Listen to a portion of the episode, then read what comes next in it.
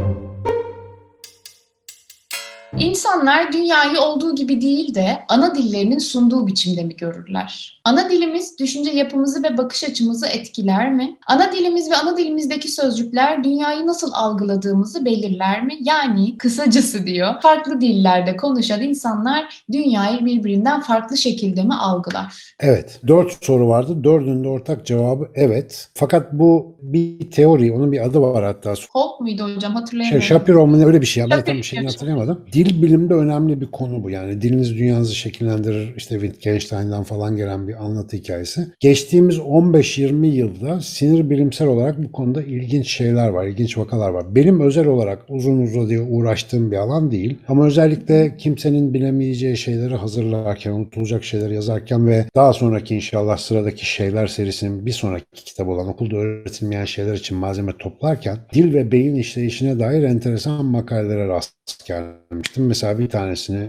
uzun uzun birkaç tanesini kimsenin bilemeyeceği şeylerde anlattım. Orada mesela farklı dillerde konuşan insanların aynı anlama gelen cümleleri kendi dillerinde ve yabancı dillerde dinlemeleri durumunda beyinlerindeki aktivasyonun ne kadar farklı olduğunu gösteren nörosemantik çalışmaları var. Yani o anlam dizgesi, o kelime dizgesi mesela bir Çince konuşan bir insan işte su isterken beyni nasıl çalışıyor? Türkçe konuşan bir insan su isterken nasıl çalışıyor? Ya da İngilizce konuşan. Bu tip çalışmalar çok fazla var. Mesela Arap leksikonuyla, Arap dilinin kelime kullanımıyla İngilizce çok karşılaştırılmış. Yine Çince ile İngilizce çok karşılaştırılmış. Gönül ister ki Türkçe ile de çok karşılaştırmış diyeyim ama çok az çalışma var yani Türkçeyi bu anlamda beyin görüntüleme çalışması anlamında alan. Bir kere beyindeki aktivite kalıbı çok farklı. Mesela Çince zor olduğu için değil ama işlemsel yapısı itibariyle muhtemelen beyinde birçok alanın çalışmasına sebep oluyor. İngilizce daha yani hacimsel olarak düşük bir alanın etkileşmesini sağlıyor ve bu doğal olarak yani beyindeki nöral işlevlerde bu kadar farklılık olması hem içsel algı dünyasında hem de bunun dışsal çıktısında bir fark olması gerektiğini düşündürüyor. Bu bir ispat değil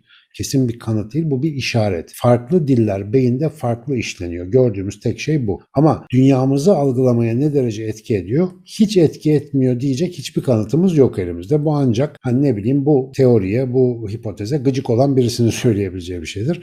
Ama gördüğümüz bir şey var. Mesela cümle kurma yapılarımızda özne, yüklem, bilmem ne gibi elemanların diziliş biçimlerinin zaman algımızı değiştirdiğini biliyoruz. Yani kullandığımız zaman kalıplarına göre zamanı algılamak gibi meselemiz var. Hatta daha ilerisini söyleyeyim. Mesela dili kullanma biçimimize göre diş ve ağız içi hastalıkları toplumdan topluma farklılık gösteriyor. Mesela İngilizlerin bir şekilde üst ön dişleriyle işte dil ve sert damak arasındaki işte lezyon, aşınma, işte diz, dişlerde çarpıklık meselesini daha fazla yaşadığı söyleniyor. Çünkü the, tha, tha falan gibi harfler yüzünden. Mesela burayı çok kullanıyorlar. İşte hakeza Arapçada gırtlağın ve işte diğer hırlamalı seslerin çok kullanılması. İşte Türkçe'de artık nasıl bilmiyorum ben çok kendim analiz edemedim ama o konuda bir çalışma da bilmiyorum. Hareketler farklı olduğu için zaten bedene farklı yansıyan da bir mevzu var. Yani sesi çıkarma biçimleri de farklı.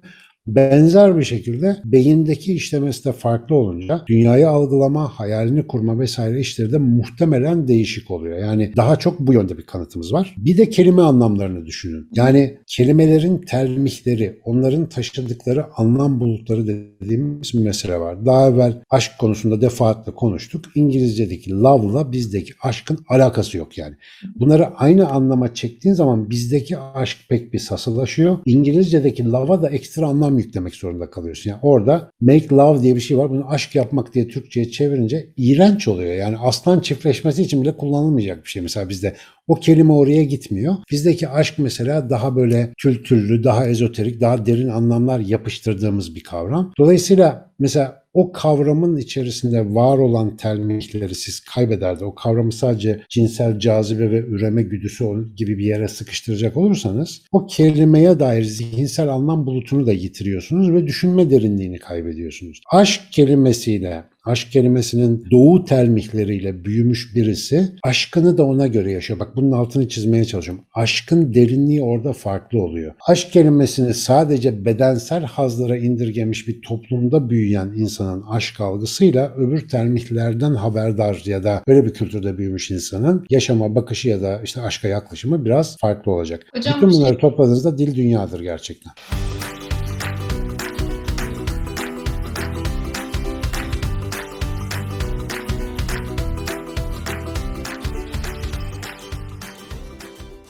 Eklemek lazım bu dediklerinizi destekleyen zaten dil bilimde bazı çalışmalar da var ve söylem de var. Şu şekilde İngilizce, Almanca gibi diller daha anlama bağlı diller. Farkındaysanız Avrupa'da bazı ülkelerde işte Almanya örneğini aldık hani hayır dendiğinde cevap net olarak hayırdır. Uzatılmaz ve kapanır. Fakat bizim gibi Türkçe en en ucu da Japonca bu arada aynı dil ailesinden geldiklerinde onlar bağlama göredir. Yani bir cümle içinde bulunduğu bağlamda asıl anlamını alır. Öbür tarafta anlamı vardır, yerleştirilir. Bizde mesela hayır her zaman direkt hayır anlamına da gelmeyişinin sebeplerinden biridir de bu. Biz bağlama göre şekillendiririz. E bu bizim aynı zamanda kişiliğimizi de şekillendiriyor bir Aynen öyle. Yani duruma göre değişir. Mesela meşhur bir şey vardır işte Sultan Abdülhamit zamanında galiba dışarıdan gelen bu mühendisler burada bir iş yapacaklar. Türkiye'den mühendis seçecekler. İşte onlara bir imtihan yapıyorlar. İşte müsellesin e, iç açılarının toplamını soruyorlar. Üçgenin iç açılarının toplamı.